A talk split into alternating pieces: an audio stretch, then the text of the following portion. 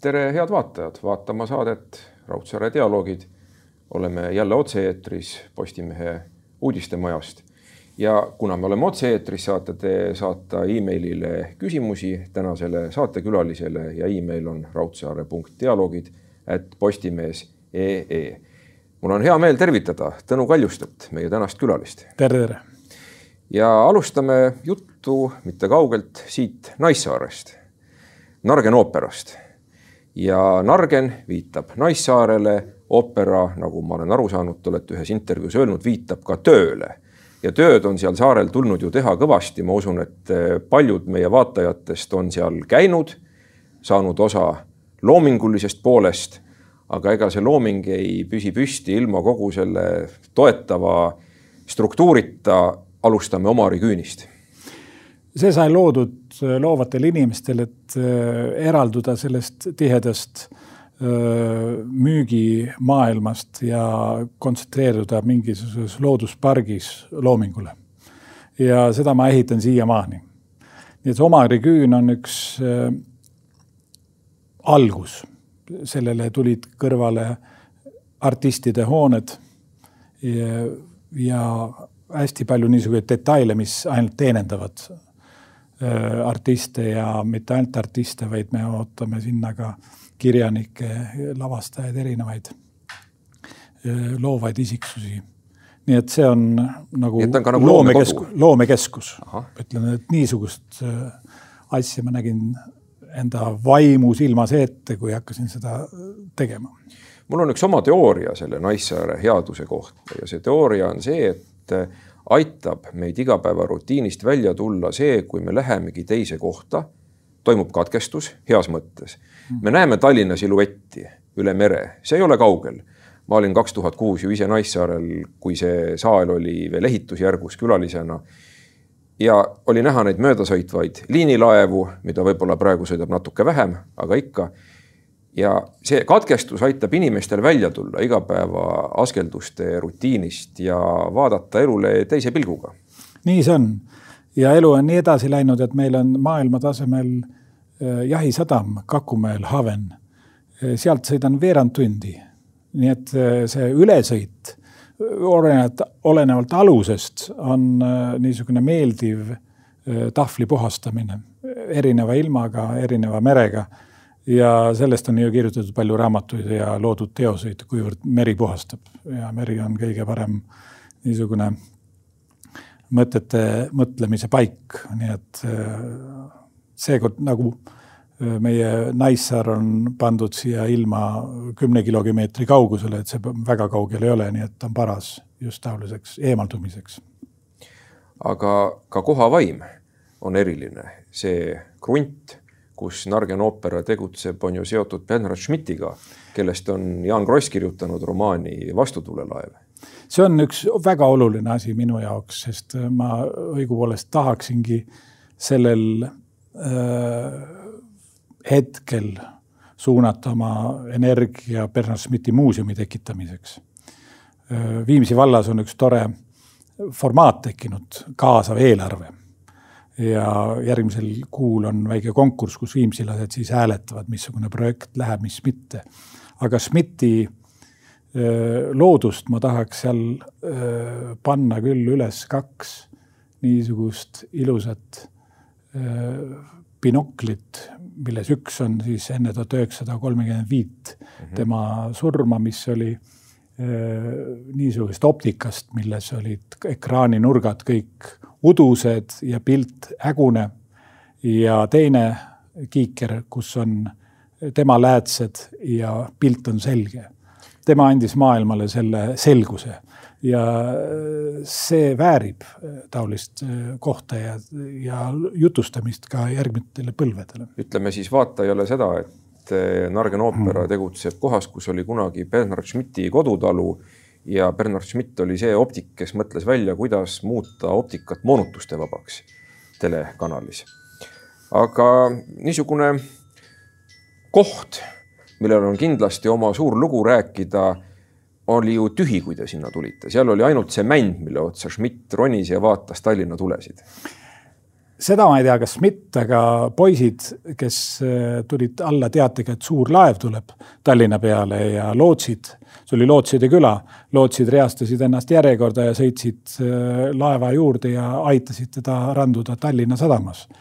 nii et Lootside küla, küla on olnud seal ajalooliselt, Lõunaküla on olnud äh, väga huvitava ajalooga ja Bernhard Schmidt on sündinud, nii et ta ei ole lihtsalt Schmidti talu, vaid on ta sünnitalu, millest ei olnud jäänud järge, jäl-, jälje, jälgegi. kivigi? ei olnud, see oli lepavõsa praegu. puu on vale, leppa seal ei ole, aga no põhimõtteliselt kujutad ette võsa.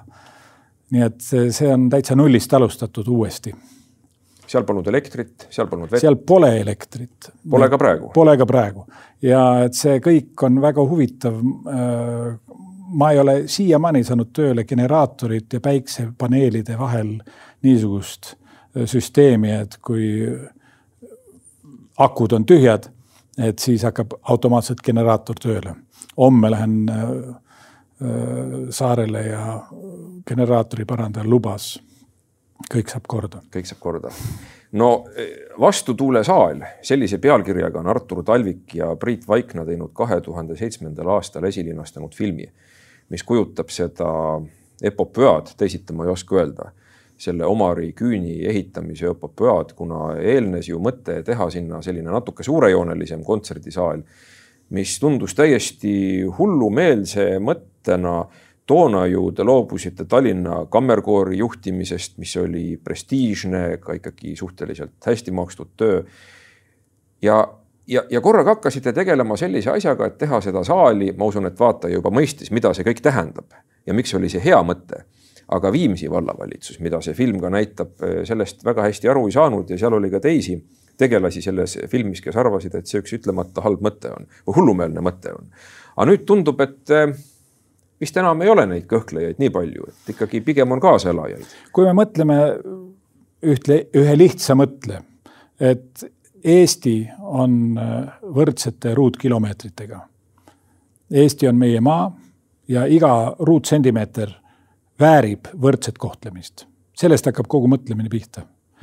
ja imelik on, aga seda tuleb pidevalt tõestada. ma eile kuulasin sealt Suud puhtaks televisioonisaadet ja no kõik samad teemad. ääremaastumise teemad. ääremaastumise, see on kõik samad teemad ja see viib teekult selleni, et kas eeskuju, milleni me tahame selle antud paigaga jõuda, kas see on meil kõikidel ühtemoodi arusaadav ja kas see Eesti oma ruutsentimeetritega on arusaadav? sellepärast noh, praegune tendents üldse maailmas ja looduses ja kõiges muus, see on haruldane katsepolügoon.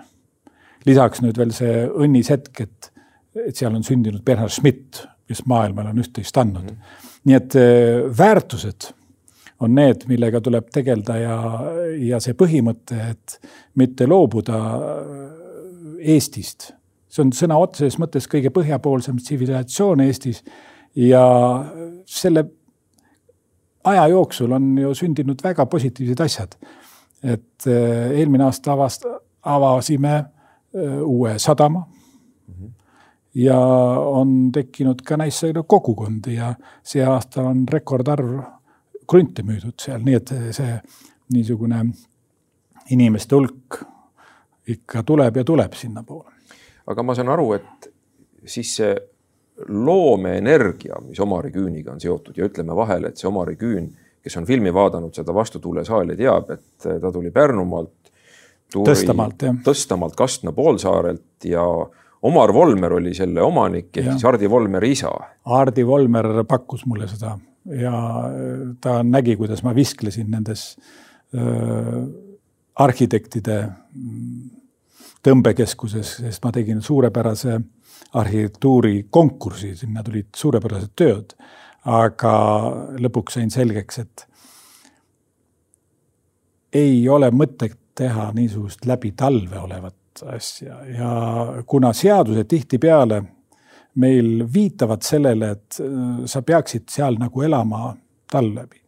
aga kui me näeme Euroopas, siis äh, suusakuurortid ja paljud talvekeskused on sesoonsed. meil puudub niisugune mõtlemine üldse, et on olemas sesoonne tegevus.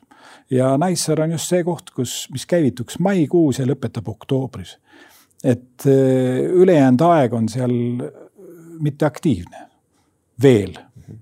Aga mulle tundub, et see loomeenergia on hakanud kujundama kogukonda.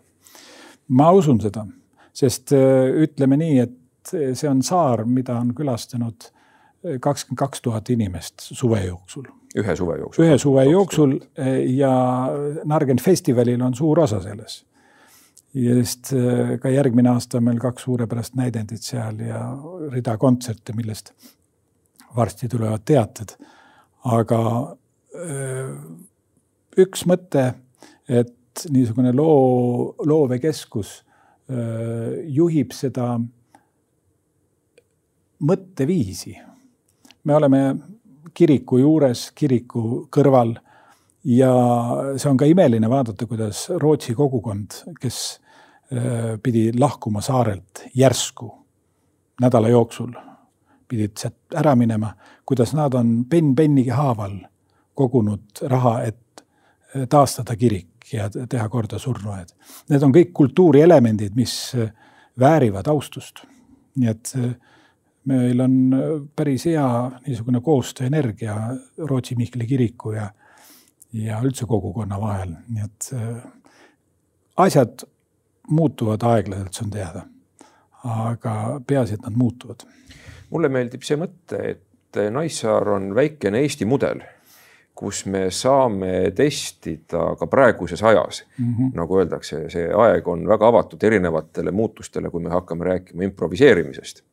ja kui ma mõtlen koorijuhtimisele, millest me ka natuke põgusalt enne saadet vestlesime, kus on improvisatsioonil väga tähtis roll, kuidas me reageerime improvisatsioonile, mis tuleb siis dirigendi, dirigent peab otsustama, kuidas ta reageerib, kui keegi muusikutest eh, toob kuuldavale midagi, mida proovides kuulda polnud no praegu on suurepärane improvisatsiooni aeg. Äh, juhtidel on ju tarvis tundlad üles ajada ja vaadata, mis maailmas praegu peab tegema. väga lihtne on öelda, et elu on suletud. aga äh, noh, muusikutel näiteks praegu on kõige viljakam plaadistamise aeg.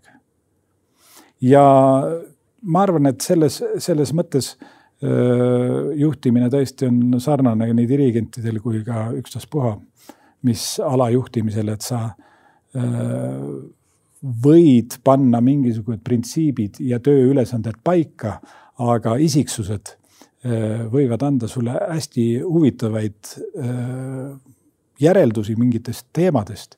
Ja et sa järsku neid, mis ei olnud noh, nõndanimetatud koalitsioonileppes kirjas töötajatega, näed, et see on geniaalne ja viid, viid sellele mingisugusele teisele tasemele, et, et juhtida noh, niisugusest betoonist valmis tehtud niisuguseid leppeid ja tööülesandeid on kindlasti igavam kui omada võimet vähest improvisatsiooni omada, nii et see on paradoksaalne asi ja seda ei saa mustvalgel rääkida.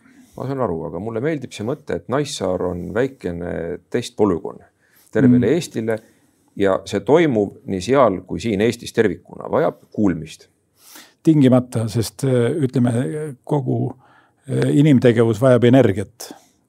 mul on seal tuulegeneraator, diiselgeneraator, päiksepaneelid, mitu generatsiooni. rohepööre juba toimunud? on toimunud, aga äh, ütleme selle ehitamisel sa ju pidevalt harid ennast äh, ja vaatad, kuidas see energia toimib. üks asi on see müügijutt, mida sa kuuled igalt poolt, et kui palju on tee ja on see vastujutt, et oi, see päikseenergia ei kõlba kuhugi, et mis siis juhtub, kui need, need. aga äh, meie maailm muutub iga hooajaga, iga kuuga. see väike Naissaare maailm, eks ole. mitte ainult Naissaare, kogu maailm. ja äh, vaata, kui Schmidt seal sündis, siis mille pärast ta läks maailma ära, mille pärast ta läks Hamburgisse looma, seal olid tingimused. E, nii et ääremaastumist ei saa noh vältida ükstaspuha mis kohas, kui sul on mhm. soov maailmas midagi luua ja e, kuhugi jõuda, sest iga maailma punkt ei pea sulle andma vastuseid su e, erialastele soovidele, sellepärast dirigendid rändavad, sellepärast teadlased liiguvad. arstid samamoodi isegi ehitajad, ma arvan, et Eesti ehitus on võitnud sellega, et meil on tohutult hulgal inimesi saanud koolitust Soomes, eks. et eh, see avatud maailma mõte peab säilima, aga kodus ei tohi klammerduda niisugustesse kinnistesse süsteemidesse, nii et improviseerigem Naissaarel, jah, see, see on eh, niisugune nutikas saar, ma arvan. Eh, maailm on täis loodusparke ja meil ei ole tarvis avastada ratast et äh, looduspark on nii või naasugune. Need moodulid on olemas, tuleb ainult leida õige. ja mul on niisugune väike mõte, et, et seda saab ainult teha koos ja kui me saaksime Soomest endale partnerid, näiteks Miessaari, siis me saaksime ka Euroopa niisuguses ähm, mõistes hakata globaalsemat arengut tekitama. kas see võiks juhtuda? Või on see ainult mõte praegu? ta ei ole mõte, ma olen väik-, väikselt sellega tegelenud, siin on Soomes tõesti Miessaari olemas Helsingi kõrval. ta on praegu kaitseministeeriumi all ja ta praktiliselt kaitseb Helsingit strateegiliselt. Naissaar oli sama, kaitses Tallinnast, oli. praegu on ainult seal antenn aga põhimõtteliselt on ta oma strateegiliselt positsioonilt just äh, väga oluline.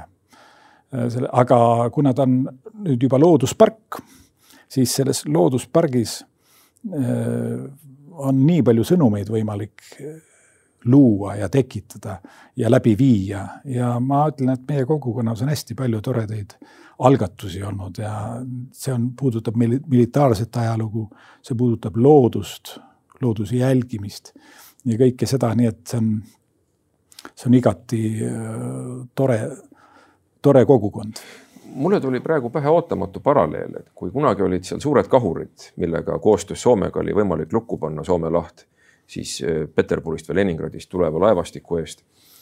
siis kui praegu on ainult üks antenn saarel, aga strateegiline tähtsus on alles, siis seda kaitsefunktsiooni täidab kultuur.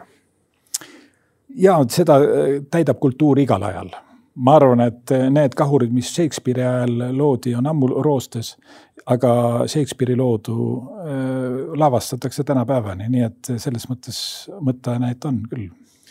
nüüd, kui me mõtet edasi arendame, meil on praegu selline kriisiaeg, koroonaaeg, aga nagu me ka äsja vestluses leidsime, on see väga viljakas äh, plaadistamisaeg paljudele loomeinimestele.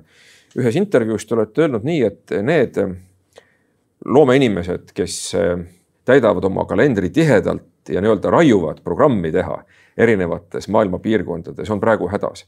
aga need, kes on natukene paindlikumad, vastupidi, näevad suurt väljakutset ja võimalust no elu on paradokse täis ja eks maailmas rändamine, kui sa tahad rahvusvaheliselt mm, pildil olla, siis teist võimalust ei ole, sa peadki enda kalendri planeerima.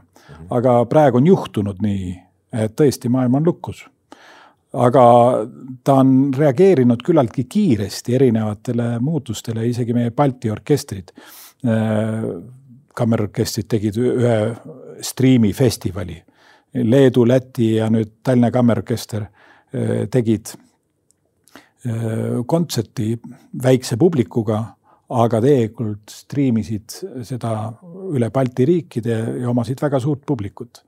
nii et need on väga erinevad äh, äh, võimalused, mis praegu avanevad, äh, kusjuures üks tendents on veel huvitav, et Leedu-Läti tegid riikliku kanaliga teleülekannet ja meie tegime Tammo Sumera ja tema kambaga, kes ka suvel võtsid üles Paavojärvi festivali mm -hmm. ja väga kõrgel tasemel. et meil on see muusika, klassikalise muusika äh, ülevõtmine ja salvestamine läinud riiklikust äh, süsteemist erakätesse ja te tehakse väga kõrgel tasemel. nii et äh, siin, siin on väga huvitavad koostööd olnud selles ajahetkes, kus koroona on tulnud ja väga huvitav näiteks kuulata, kuidas Paavo Järvi taolistel vaheaegadel äh, lihtsalt saab rääkida, mis ta on teinud. saab rääkida veidi Beethovenist, Beethoveni aastas Klassikaraadio annab üle äh, sümfoonia, tema sümfooniate tõlgenduse maailma. see on aeg, kus saab mõtiskleda väga erinevatel teemadel, nii et alati on midagi huvitavat, kui on ootamatused.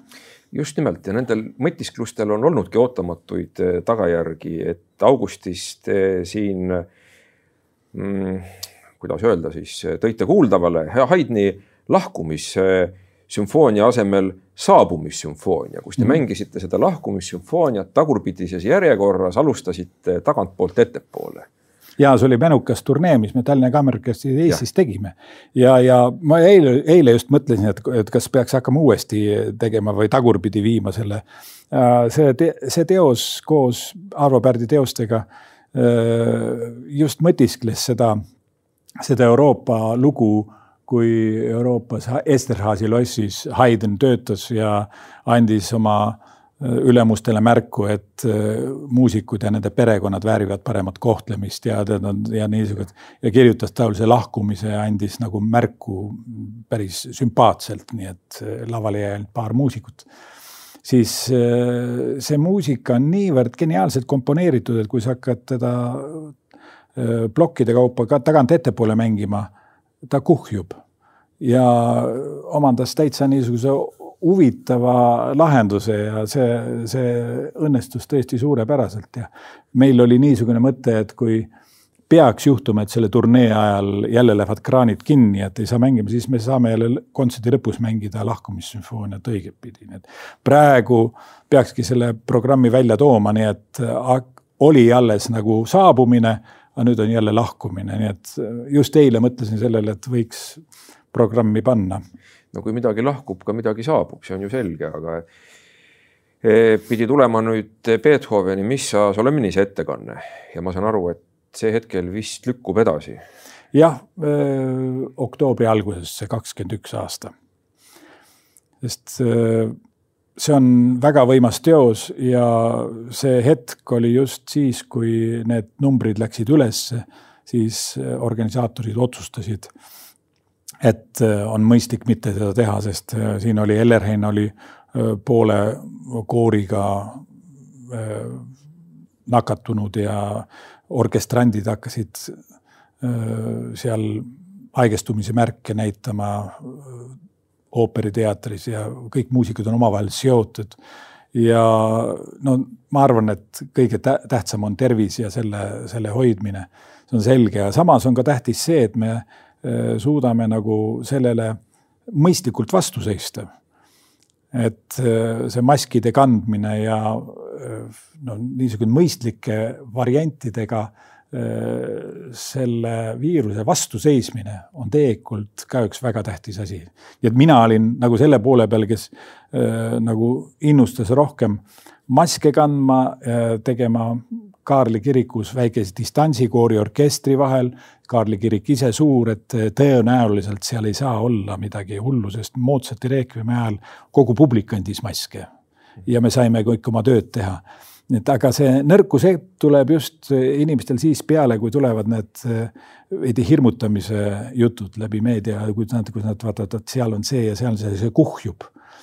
üksikud situatsioonid, aga kokkuvõttes on need väga äh, väga murettekitavad, aga ma ütlen, see otsus tegelikult oli õige, et noh, et mis me siis ikka võitleme, kui on äh, nii palju juba inimestel sees see, see kartus ja hirm ja neid tuttavaid on palju rohkem äh, nakatunud, kui oli kevadisel ajal, nii et pole midagi hullu. parem plaadistame ja teeme elavaid kontserte siis hiljem. kui me korraks tuleme tagasi selle saabumissümfoonia juurde. Kui ma õigesti aru saan, seda kanti ette Paides, Kuressaares, Rakveres ja Tallinnas. nii et ka omamoodi ääremaastumise vastu võitlemine, et äh, väiksemates kohtades, Paides, Kuressaares, Rakveres. aga siit jookseb läbi mulle kuidagi vaikimisi Arvo Pärdi nimi mm. -hmm. Rakvere ja, ja Paides ta on käinud. Nargen festival lõpeb alati pardipäevadega ja. ja alati esineme nii Rakveres kui Paides. Paides sündinud, Rakveres koolis käinud ja seal on tekkinud ka oma niisugune publik, kes väga austab Arvo Pärti.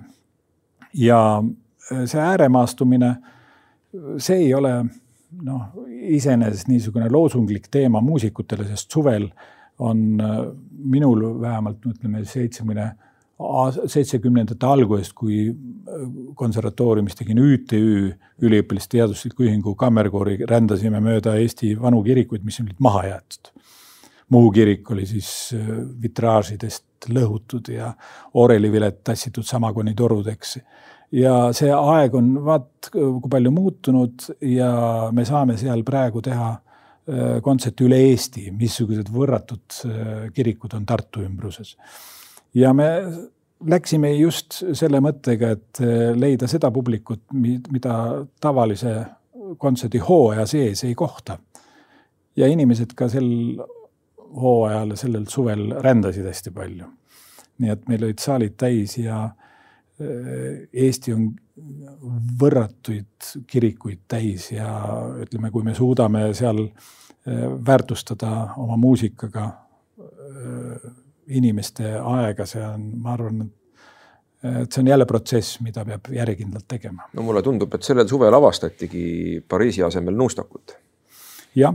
mis oli jäänud käimata. täitsa loogiline, täitsa loogiline ja kuigi meie Pariisi kontsert tuli Metso kanalis selle pandeemia ajal väga tihti, kahe kuu vältel vaata üle viieteistkümne korra mm, -hmm. siis äh, meil oli nii avatud publik Metso kaudu kui ka suvel said inimesed kohapeal näha, sest üks asi on jah, see kauge ja suur ja ilus ja teine on siin kodune armas. et nende vahel peab olema tasakaal Grammy te saite kahe tuhande neljateistkümnendal aastal ka personaalselt, aga ka kooriga.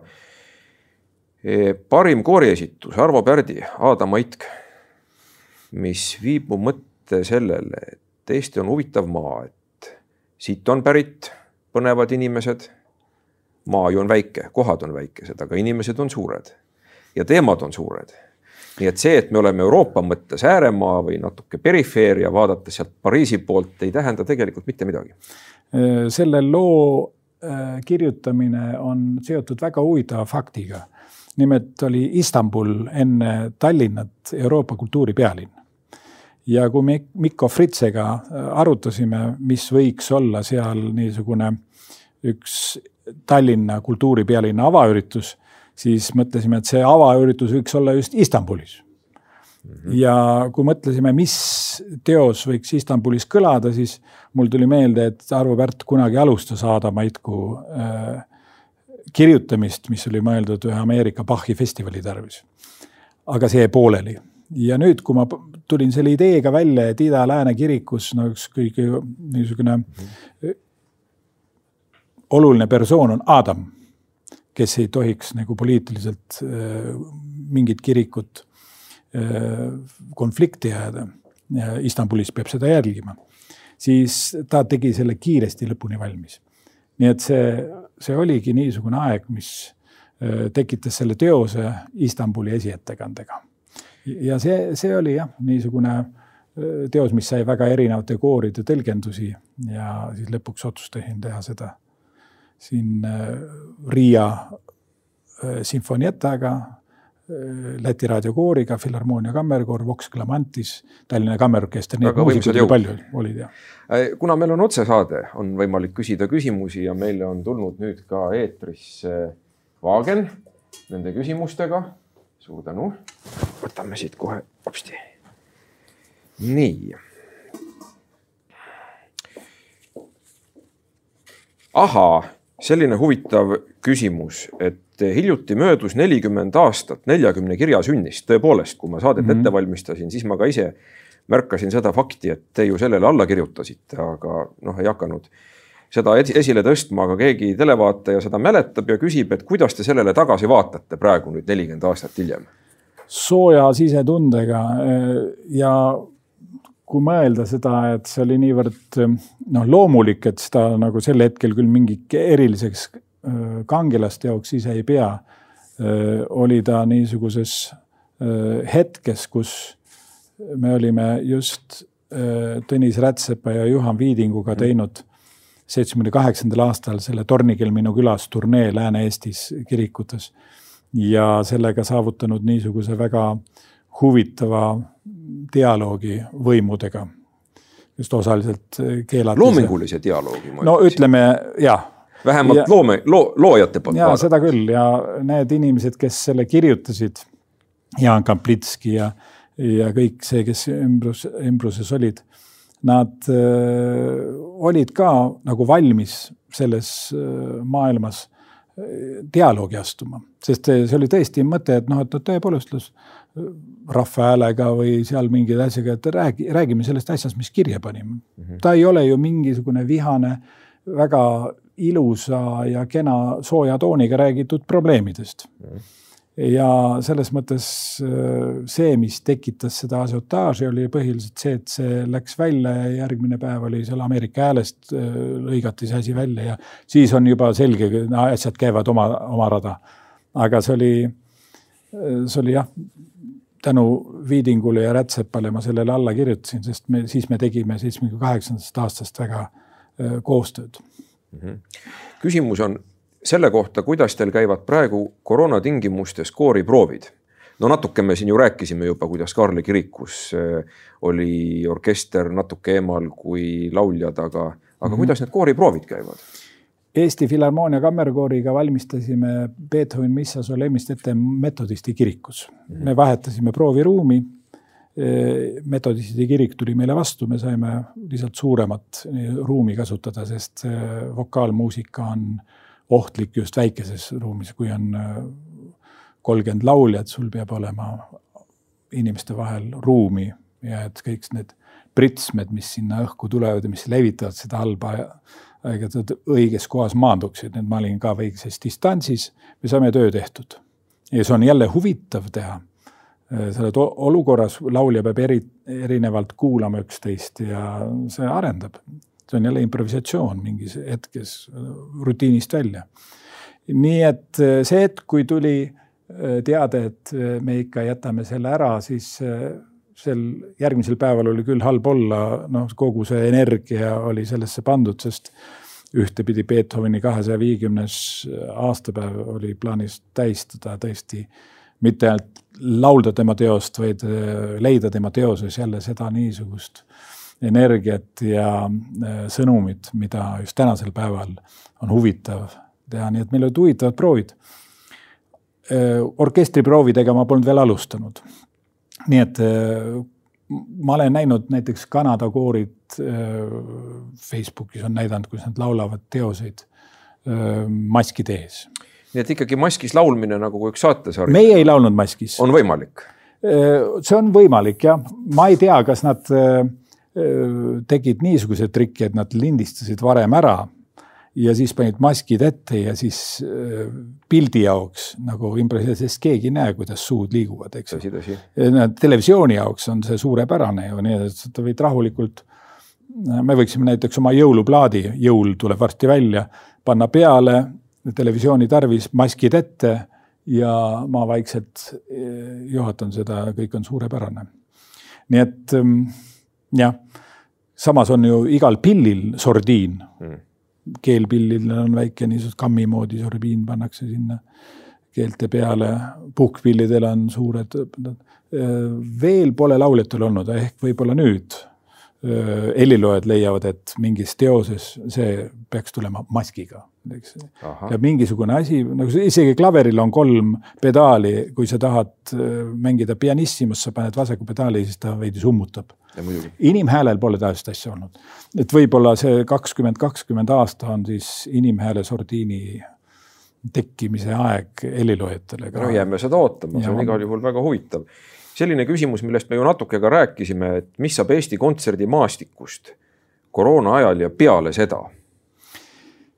Üks maastik on ju täidetud äh, kutseliste muusikutega ooperiteater, sümfooniaorkester, kammerorkester, kammerkoor meeskoor, nad on äh, kõik äh, palgalised ja see on üks suur asi, et, et nad ei ole laiali saadetud. et, et nad on leidnud endale piisavalt tegevust, valmistada ette aega, kui kõik normaliseerub. ja see kutseline muusikute kooslus koos kutseliste agent, agentuuridega, Eesti Kontserdiga ja väiksemate tegijatega, need tagavad nagu mingisuguse kindla rütmi. ma arvan küll, et see praegune mm, äh, periood on hea õppetund, mitte midagi rohkemat ega vähemat ja kõik normaliseerub järgmine aasta, nii et tegelikult kõik protsessid äh, käivad, et muutused äh, üldse muusikaellu tuua, käivad palju aeglasemalt. nii et see üks hooaeg või kaks hooaega vahepeal, jah, ta on dramaatiline paljudele, kes on vabakutselised. aga ka nemad on tublid olnud, nad on välja mõelnud igasuguseid variante, nii et ma arvan, et pole hullu. Te olete ühes intervjuus öelnud, rõhutanud kokkulepet kooriga kui tuleb dirigent, ta peab saavutama kooriga kokkuleppe, et kuidas asjad käivad, kuidas muusikat siis esitletakse. igal juhil on oma käekiri. ühed eh, dirigendid eh, teevad hästi palju, proovis panevad paika ja kontrollivad ettekandel, kas see kõik nii on. Eh, see on nagu esimene kokkulepe. kui mina alustasin Filharmoonia kammerkooriga kaheksakümne esimesel aastal, siis esimesed kolm kuud me veetsime ilma minu, ilma minu dirigeerimata, me lihtsalt leppisime kokku, kuidas me seda laulame, ma laulsin inimestega kaasa. Äh, need olid äh, kaunid tormisel lüürilised rahvalaulud.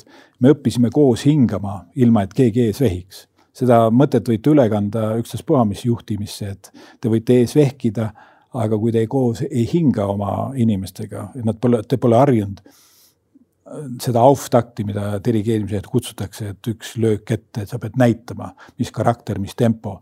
kui seda, nad pole harjunud teist aduma, siis on väga raske kollektiiviga koos edasi teha, nii et see on üks juhtimise ja dirigeerimise alus, et saavutada inimestega on teine asi, kui teil on keerulisemad äh, partituurid ja see on siis ikka seesama maailm, et sa pead olema kogu aeg üks takt ees, sa pead mõtlema kogu aeg ette. et need on need äh, asjad, mis äh, on juhtimisel tähelepanus, ma ütlen igal juhil, ettemõtlemine. Need olid need lürilised laulud, kus te koos hingasite ja, kooriga? ja just, jah.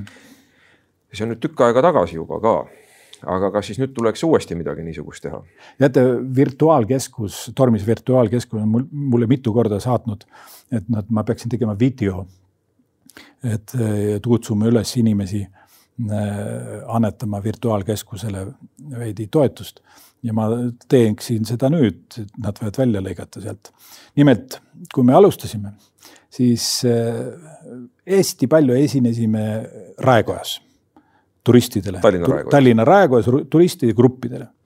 ja mitte üks kord, vaid mitu korda tulid need inimesed mu juurde, et teate, me oleme siin kolm-neli päeva mööda linna ja riiki, ringi käinud ja alles peale selle tormise muusika kuulamist me saame aru, et me oleme erilises kultuuris. et see, see, see kultuuritaju tekkis neil nende rahva, värvi tormise kuulamist tõepoolest, kui sa linnas käid ja vaatad äh, turismikaupluseid, mis seal kõik müüakse, mis on, siis äh, see võib sulanduda ühte kogu Euroopas ja võib-olla isegi Venemaal. et need äh, väiksed merevaigukesed on igal pool. aga kui sa lähed inimeste hinge läbi muusika ja et see muusika kuulub just siia keelesfääri ja kultuuriruumi, siis ta annab niisugust informatsiooni edasi, mida ei saa äh, ühesõnaga ekskursiooniga kogeda. isegi ju keelt mõistmata. just täpselt. sest muusika on ju universaalne. just ja kui sa annad inimesele teada ka, millest sa laulad, et meie folkloor on täis tarkust. et need sõnad kõik on äh, sisuga ja seda sisu tasub ka tänapäeval lugeda, nii et et eh, nii palju siis eh, tormisest ja virtuaalkeskusest, nii et võtke see väike lõik ja. ei no me oleme otsesaates, siit ei võeta midagi välja, aga nüüd ongi küsimus, et kas siis me võime näha peagi taas seda ühes hingamist kooriga? ei, seda ma öö, viljelen kogu aeg ja öö, minu jaoks on Tallinna Kammerorkester ja Eesti Filharmoonia Kammerkoor olnud nagu üks tervik sest minu meelest instrumentalistid vajavad vokaliste ja vokalistid instrumentaliste. me võime eralduda üksikuteks spetsiifilisteks muusikateosteks, aga tegelikult see niisugune, see maailm, mis ühendab ja see maailm, mis on kirjutatud mõlemale kollektiivile, paelub mind kõige rohkem.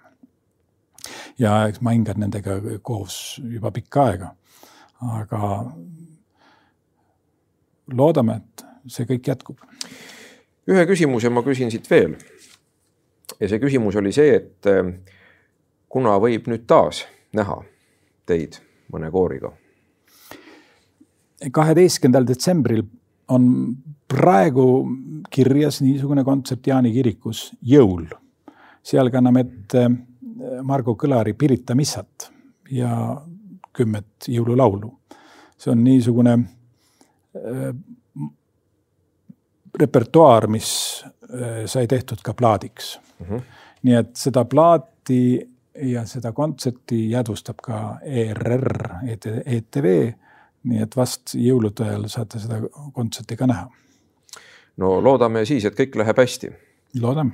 et eh, see aeg on inspireeriv. Eh, annab võimalust uueks heliloominguks, uuteks plaadistusteks ja ühel hetkel ka uuteks ülesastumisteks palju tänu, Tõnu Kaljuste, selle huvitava ja meeleoluka vestluse eest. aitäh kutsumast. selline oli tänane Raudsaare dialoogide saade. kohtume teiega taas järgmisel nädalal. loodame siis, et kõik läheb hästi, kannate maske, olete ettevaatlikud ja et me saame rahulikult oma eluga edasi minna ilma suuremate piiranguteta. kõike head teile. thank you